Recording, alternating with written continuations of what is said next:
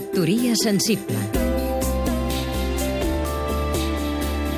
Sergio Vilasanjuan, periodista cultural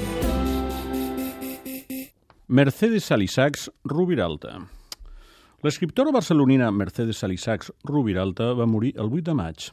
Havia estat una de les autores més llegides a l'Espanya dels anys 60 i 70, amb les seves novel·les de tema català. Era la degana en actiu de les lletres europees. L'últim reconeixement oficial que va obtenir a la seva terra natal va ser el Premi Ciutat de Barcelona del 1956, quan comptava 40 anys. Fa gairebé 60 d'això. Posteriorment, res de res. La Generalitat Democràtica mai no li va dedicar la menor atenció.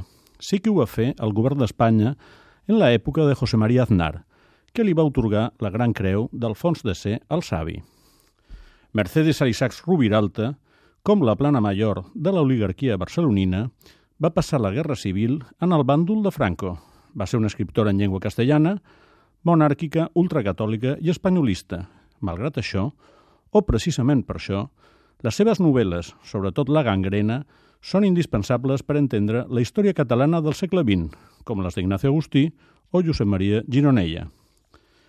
La cultura oficial del nacionalisme sempre ha tingut grans problemes per integrar la creació catalana que no s'ha mogut sota el seu paraigua i per això mai no ha resultat del tot creïble ni convincent. No vull ni pensar quina seria la situació en aquest camp en una hipotètica Catalunya independent. Factoria sensible Seguim-nos també a catradio.cat